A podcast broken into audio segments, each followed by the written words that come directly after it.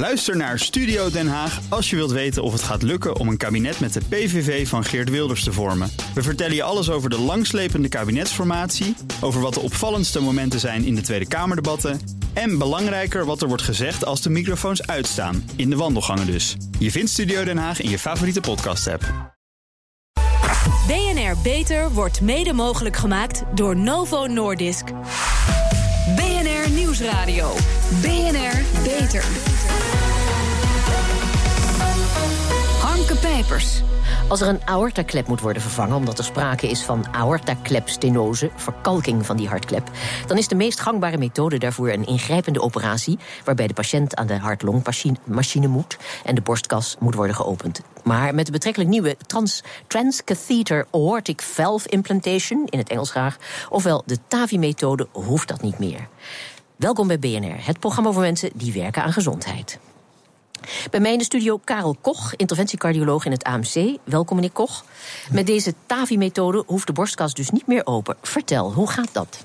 Een uh, TAVI dat, uh, staat voor een techniek waarbij we de aortaklep vervangen in feite via, de bloed, via een bloedvat. Je brengt een hele dunne katheter in, uh, in het algemeen via de liesslagader. En daarmee wordt de klep op een klep op zijn plek gebracht van de vernauwde hartklep. En die, daarmee, op die manier wordt de klep vervangen. Er zijn verschillende typen kleppen.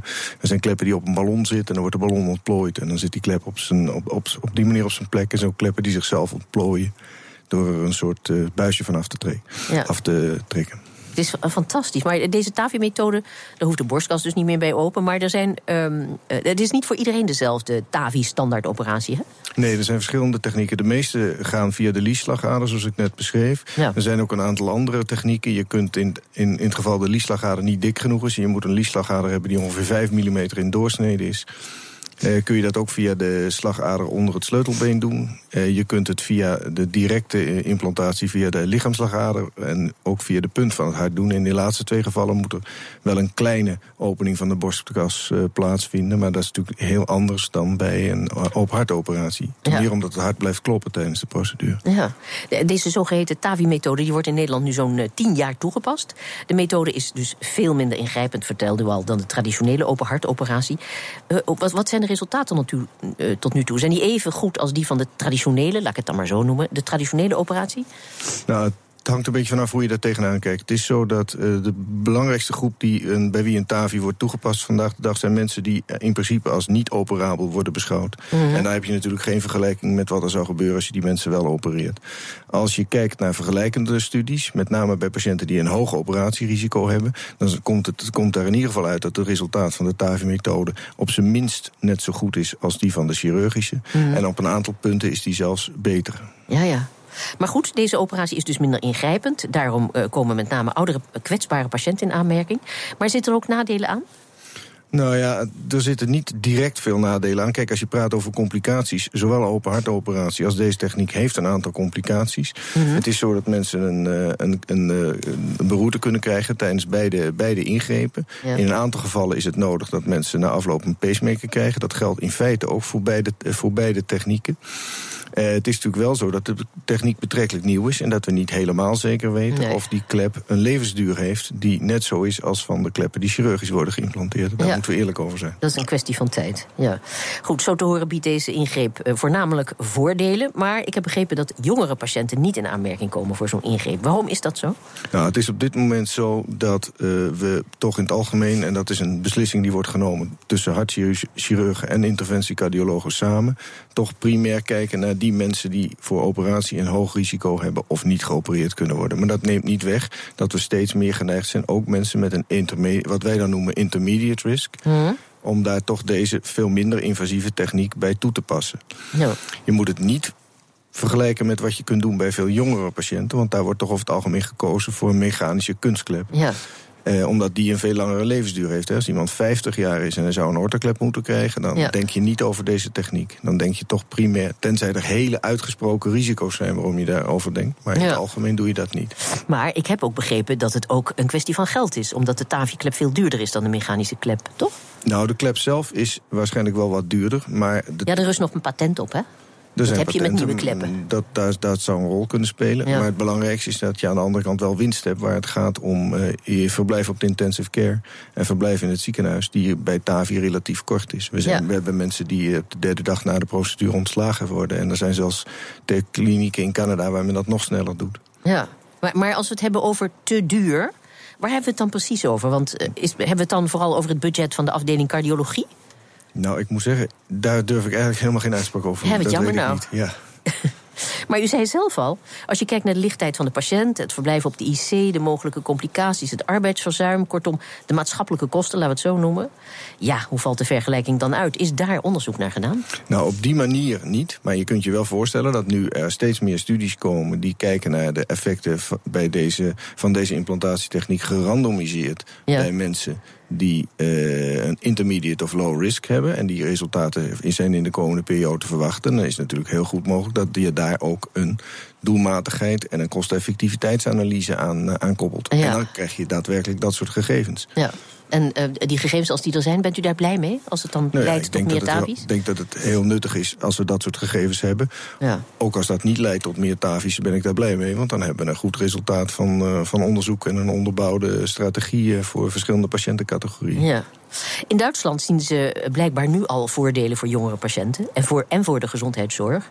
Dan komen niet alleen de kwetsbare ouderen voor de TAVI-ingrepen in aanmerking, maar ook de jongeren, wat minder risicovolle groep. Zou u daar ook wel voor zijn? Ja, ik ben er in zijn algemeenheid voor om een goed aangetoonde minimaal invasieve, want zo noemen we dat dan, techniek toe te passen bij ook jongere patiëntengroepen, als dat uh, op zijn minst equivalent is aan een andere techniek. En je ziet nu ook, omdat die techniek steeds meer, steeds wijder verbreid is, dat er ook patiënten zijn die steeds beter weten waar dit over gaat. En dat er mhm. zelfs ook van de kant van patiënten verzoeken komen. Kan het niet via die manier, terwijl als je heel eerlijk bent, die patiënt ook best voor een chirurgische benadering in aanmerking zou komen.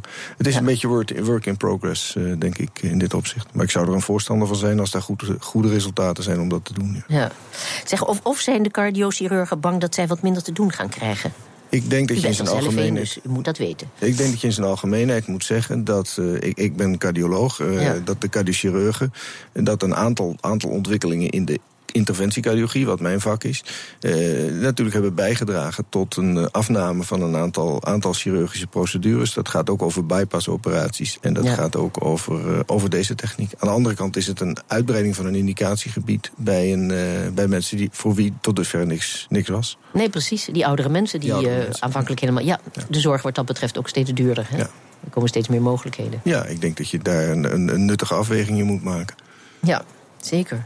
U moet, u moet, zich ook voorstellen dat dit is hm. een afweging die beide op patiënt-individueel niveau gemaakt wordt tussen hartchirurgen en cardiologen en de verwijzend cardioloog, al ja. niet in samenspraak met de eigen huisarts van de patiënt. En dat is heel belangrijk. En dat is heel belangrijk, zeker voor die oudere categorie. Ja, want leidt dat vaak tot eh, we doen het toch maar niet? Ja, in dat, daar zijn situaties waarin dat leidt tot dat dat, dat maar niet doen. Er zijn bovendien ook strikte richtlijnen voor. Ik zal u een voorbeeld noemen. Als iemand mhm. een, een kwaadaardige aandoening heeft... en desondanks een ernstige hartklepvernauwing... dan moeten we zeker weten dat zo iemand een levensverwachting heeft... van tenminste een jaar. Dat staat in de, expliciet in de richtlijn. Ja, om een voorbeeld te noemen. Ja, dat vind ik trouwens helemaal niet veel. Dat is niet veel, maar dat kan wel zijn dat het mensen zijn die in een... Eh, het zijn natuurlijk over het algemeen mensen die veel langere levensverwachting hebben... maar dat dat is een absoluut minimum is. Ja. Een jaar. En die kunnen in dat jaar een heleboel aandoeningen krijgen van die klep. Ja. De TAVI-klep helpt ook de oudere patiënt aan een nieuwe hartklep. Maar heeft iedere oudere wel baat bij zo'n nieuwe hartklep? Dat hoort u meer. Daar hoort u meer over na de reclame. BNR Nieuwsradio. BNR Beter. Via de Lies, een hartklep vervangen, biedt voor veel ouderen die te zwak zijn voor een open hartoperatie de kans om toch een nieuwe hartklep te krijgen. Het klinkt prachtig, maar zo vroegen ze zich af in het Radboud ziekenhuis in Nijmegen. Heeft iedere oudere met een verkalkte aortaklep hier wel baat bij? Ik sprak er al even over met Karel Koch van het AMC. En ik ga er nu over praten met aan de telefoon. Hij is niet hier. Peter Kiewit, cardioloog aan het Radboud UMC. Meneer Kiewit, Hallo, goedenavond. U en uw collega vonden het niet in alle gevallen zinvol. En in overleg met uh, verzekeraar VGZ is het aantal TAVI-ingrepen verminderd. Um, ik heb een vermoeden, maar vertel, waarom precies? Nou, het, het aantal TAVI-ingrepen is op zichzelf niet verminderd. Alleen wij uh, kijken kritisch naar uh, welke patiënten wij in aanmerking laten komen voor een TAVI. En dat deden we ook al voordat we de samenwerking met VGZ zijn aangegaan. Uh, het, zoals ook al eerder gezegd betreft het vaak kwetsbare oudere patiënten... die naast hun hartklepprobleem andere lichamelijke problemen kunnen hebben... maar die vaak ook bijvoorbeeld al een verminderd geheugen hebben of minder mobiel zijn. En uh, daarom hebben wij uh, de geriater, de oudere specialist, uh, betrokken in het proces van preoperatieve beoordeling van deze patiënten. Ja, ja. Omdat geriaters toch wat breder kijken dan wij als cardiologen en hartchirurgen. Ja, naar heel de, heel de oude ja, heel de oude mens inderdaad. Ja. Maar goed, um, u en uw collega vonden het, dat zei ik al, niet in alle gevallen zinvol. Dus, maar ik heb nu begrepen, kijk, voor VGZ was het een belangrijk argument ook minder ingrepen. Maar dat is dus helemaal niet aan de orde. Er zijn niet minder TAVI-ingrepen, althans nou, het gaat met name om dat we, de, dat we zinnige zorg willen leveren. Hè, dus we willen Ja. ingrepen leveren aan patiënten die het ook daadwerkelijk nodig hebben... en waarvan we denken dat die er ook baat bij eh, zullen hebben. En wat de eh, collega Koch al aangeeft, zie je wel dat er ja, steeds meer patiënten in aanmerking komen voor een TAVI. Maar er is ook een, ja, een nieuw indicatiegebied ontstaan. Dus patiënten die vroeger helemaal niet behandeld werden... die nu ook worden aangeboden Ja, voor een en dat vult het. TAVI-ingreep. Ja. En ja, wij denken dat we daar eh, kritisch naar moeten kijken. Enerzijds kunnen de patiënten natuurlijk baat hebben van de ingreep.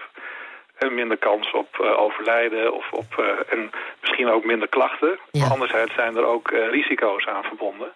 En je ziet dus bijvoorbeeld in, in onze populatie, of onze patiëntengroep...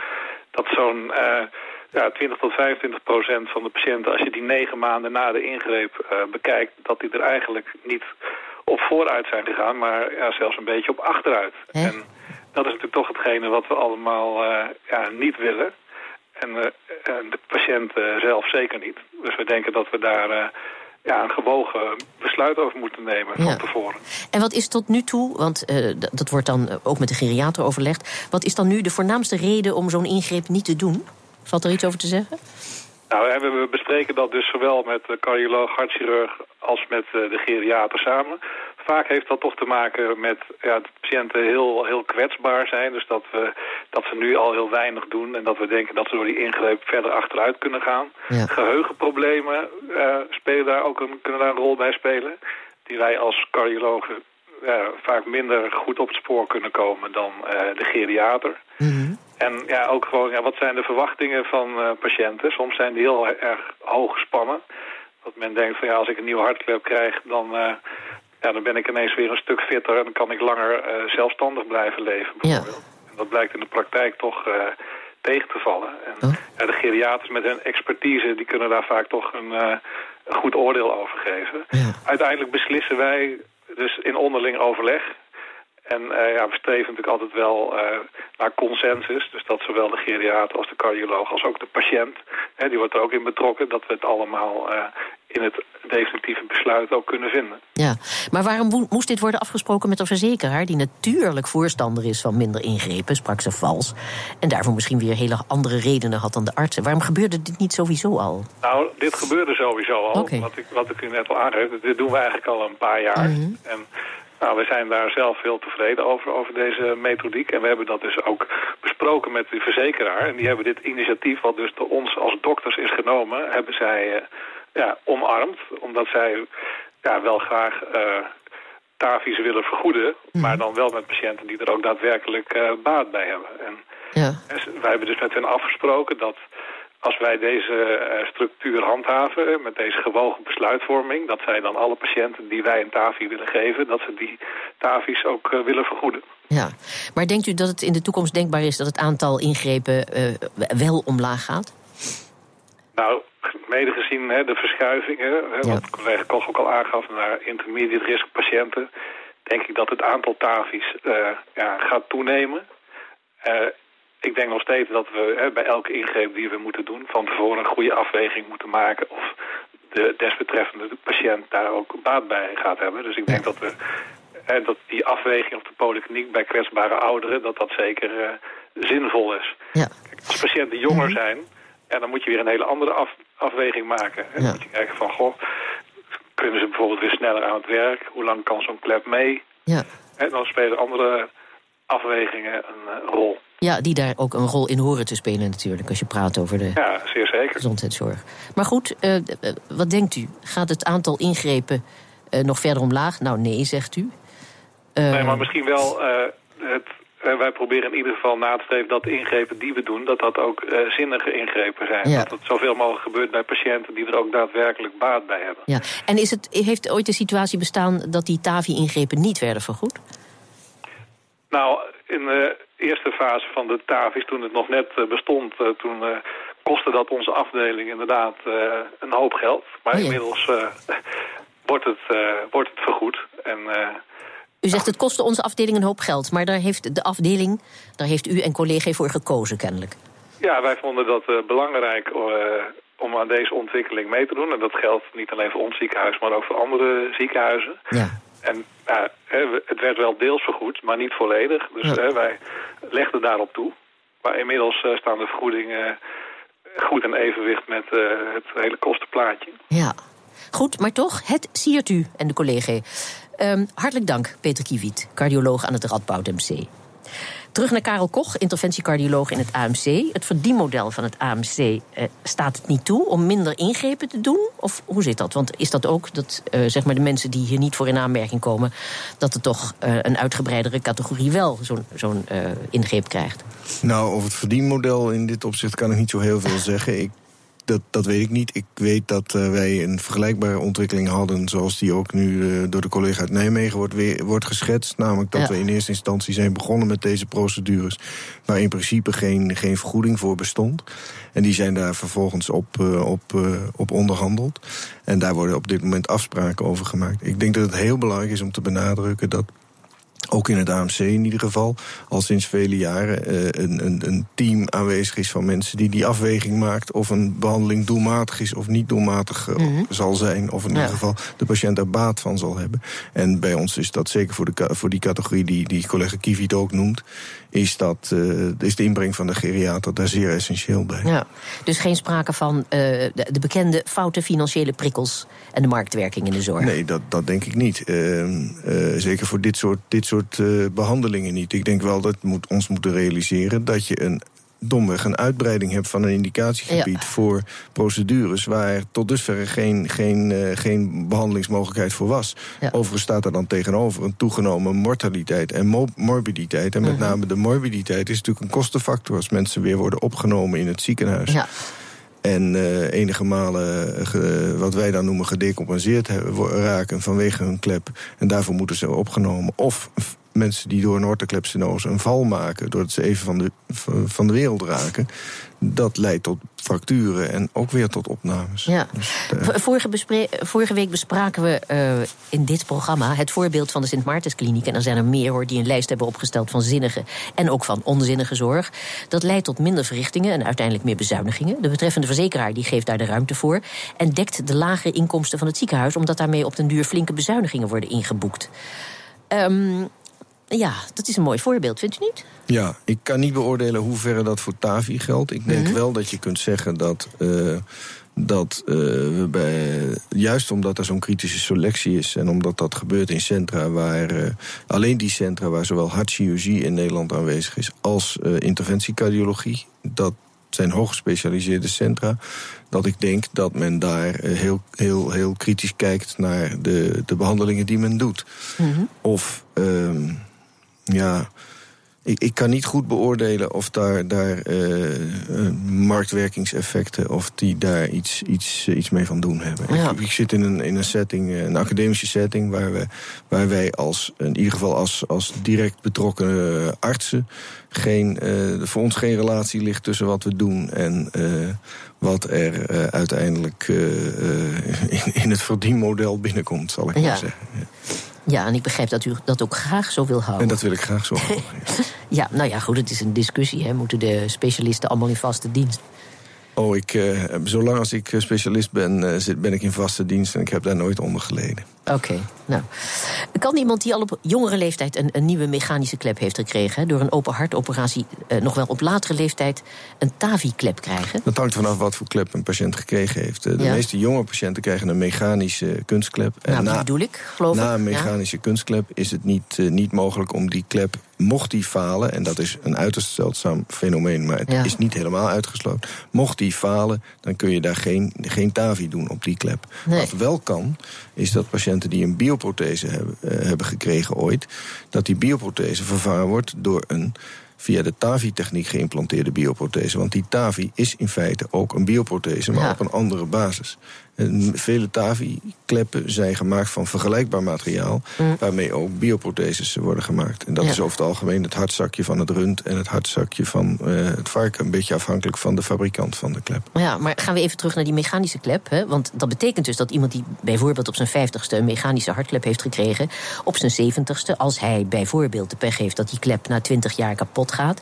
dat hij weer een open hartoperatie zou moeten ondergaan. In dat geval moet dat. ja. Ja, ik weet niet hoor. Het lijkt me toch een belangrijke overweging voor een patiënt die op zijn vijftigste of daaromtrent een mechanische klep laat implanteren. Nou, je ziet wel een ontwikkeling. De ontwikkeling die je ziet is dat de leeftijd waarop men kiest voor bioprotheses, dat die mhm. wat meer naar beneden gaat omdat de bioprothese met de nu beschikbare TAVI-techniek zich in principe leent voor een vervanging door een TAVI. En dat levert natuurlijk een perspectief op voor patiënten met een bioprothese, wat er in het verleden niet was. Ja. En dat leidt wel een beetje tot een verandering van, uh, van implantatiebeleid ja. bij chirurgen. Zeg maar, um, in België werd deze TAVI-klep in het begin niet vergoed door de verzekeraars. En als gevolg betaalden artsen of ziekenhuizen, overtuigd als ze waren van het nut van die ingreep, uh, de klep, de ingreep uit eigen zak. Waren de Nederlandse verzekeraars meteen overtuigd van het nut, of was daar veel overtuigingskracht voor nodig? Nou, hoeveel overtuigingskracht daarvoor nodig was, dat weet ik niet. Maar wat ik wel kan zeggen is dat het in wezen op dezelfde manier gegaan is uh, in het verleden als, uh, als dat in België is, is gegaan. Ik denk wel dat de verzekeraars zeer coulant geweest zijn op het moment dat die techniek uh, in Nederland beschikbaar kwam en zich ontwikkelde. Dat, dat er vergoedingen tegenover zijn, zijn gesteld. Ja. Ik denk wel dat men, en dat is denk ik terecht, eisen stelt aan het volume van centra en eisen stelt aan, eh, aan de registratie van, van procedures. Mm Intussen wordt er in Eindhoven gewerkt aan een hartklep die eenmaal geplaatst oplost en geleidelijk aan vervangen wordt door lichaams-eigen materiaal. Dat is nog wel heel erg toekomstmuziek hoor. Maar zou zo'n klep ook geschikt zijn voor de TAVI-methode? Want dat heeft natuurlijk voor kinderen een, een, ehm, een, een voordeel, omdat die klep meegroeit. Hè? Ja, ik, ik, dit is echt een, een, eh, een enorme toekomstmuziek die hier nu uh, ja, ter sprake komt. uh, ik denk dat heel veel ehm, nieuwe klepontwikkelingen natuurlijk ook zullen worden gedaan met de transluminale of transkathetertechniek, zoals we die, zoals we die op dit moment in het, in het TAVI-veld zien. Ja. Zeg, tot slot mogen we hopen dat we op termijn helemaal geen open hartoperaties meer hoeven doen en hoeven te ondergaan? Ik denk dat we ons moeten realiseren dat uh, deze uh, TAVI-techniek een klein stukje is van het totaal aan klepbehandelingen wat er plaatsvindt. Waar geen uh, niet-operatieve technieken voor zijn tot nu toe. Ik denk dat we ons ook moeten realiseren dat chirurgen ook af, afgezien van de klassieke open hartoperatie een hele hoop technieken ontwikkeld hebben waarbij ze de borstkas niet hoeven te openen via kleine toegangen, zoals dat in heel veel sectoren in de geneeskunde plaatsvindt, ja. ontwikkelen. Daarnaast nemen we snoepen daar wat van af tussen aanhalingstekentjes met deze nieuwe techniek. Dank, Karel Koch, interventiecardioloog in het AMC. Op tijd naar bed gaan is goed, want de uren voor 12 uur tellen dubbel. Maar is dat nou wel zo? Redacteur Frederik Mol zocht het uit. De uren die ik slaap voor 12 uur tellen dubbel. Feit of fabel? Het is helaas een uh, fabel. Monique Vlak, neuroloog en somnoloog in het Haaglanden Medisch Centrum. Vroeger was het zo dat mensen inderdaad vroeger naar bed gingen... en dat de eerste uren van de slaap gewoon voor 12 vielen. Maar het gaat erom zeg maar, dat de eerste uren van je slaap... dat je daar veel diepe slaap in hebt. En dat is een belangrijke fase van de slaap, niet alleen om uit te rusten... maar ook om dingen die je geleerd hebt vast te leggen in je geheugen. Dus dat zijn belangrijke fases van de slaap. En naarmate je langer slaapt, zie je dat de slaap steeds lichter wordt. En dat is maar waar die term de eerste uren voor twaalf tellen dubbel uh, vandaan komt. Dus ik hoef niet voor twaalf uur in mijn bed te liggen? Als je vroeg vogel bent, dan geldt het natuurlijk nog steeds. Maar het kan ook zijn dat je een later ritme hebt. Dus dat je biologische klok maakt dat je een avondmens bent. En dan kan het zijn dat de uren tussen 12 en 2 dubbel tellen. Hè? Of uh, zelfs nog uh, tussen 4 en 6 zien we ook wel eens. Dus het hangt er enerzijds vanaf maar, hoe laat je biologische klok staat. Uh, maar anderzijds is het ook, uh, heeft het te maken met de opbouw van de slaap. Het maakt dus niet uit wanneer ik ga slapen, als ik maar genoeg slaap. Ja, kijk, het belangrijke is dat je gewoon voldoende uren slaapt, maar het liefst ook op je biologische klok. He, dus uh, gemiddeld hebben mensen zo'n 7,5, 8 uur slaap nodig, maar de meeste mensen nemen die tijd er niet voor. En je ziet in de afgelopen 50 jaar dat mensen ook veel minder tijd nemen om te slapen. En dat ze gewoon s'avonds nog veel dingen doen, maar toch ochtends vroeg op moeten staan. Dus slaapgebrek, zeg maar, is een groot, uh, een groot probleem. Dus dan uh, tellen de eerste uren helemaal uh, hier dubbel, zou je zeggen. Kortom, moet je vroeg op, dan tellen de uren slaap voor 12 uur toch wel een beetje dubbel. Tot zover deze uitzending van BNR Beter. Op bnr.nl slash beter is deze uitzending terug te luisteren. En we zijn ook op Twitter te vinden onder BNR Lifestyle. Dus heeft u tips voor ons? Laat het ons weten. Ik ben Harmke Pijpers. Tot een volgend spreekuur. BNR Beter wordt mede mogelijk gemaakt door Novo Nordisk. Ook Thomas van Zeil vind je in de BNR-app. Je kunt live naar mij luisteren in Zaken doen. De BNR-app met breaking news, het laatste zakelijke nieuws... en je vindt er alle BNR-podcasts, bijvoorbeeld Het Nieuwe Geld. Download nu de gratis BNR-app en blijf scherp.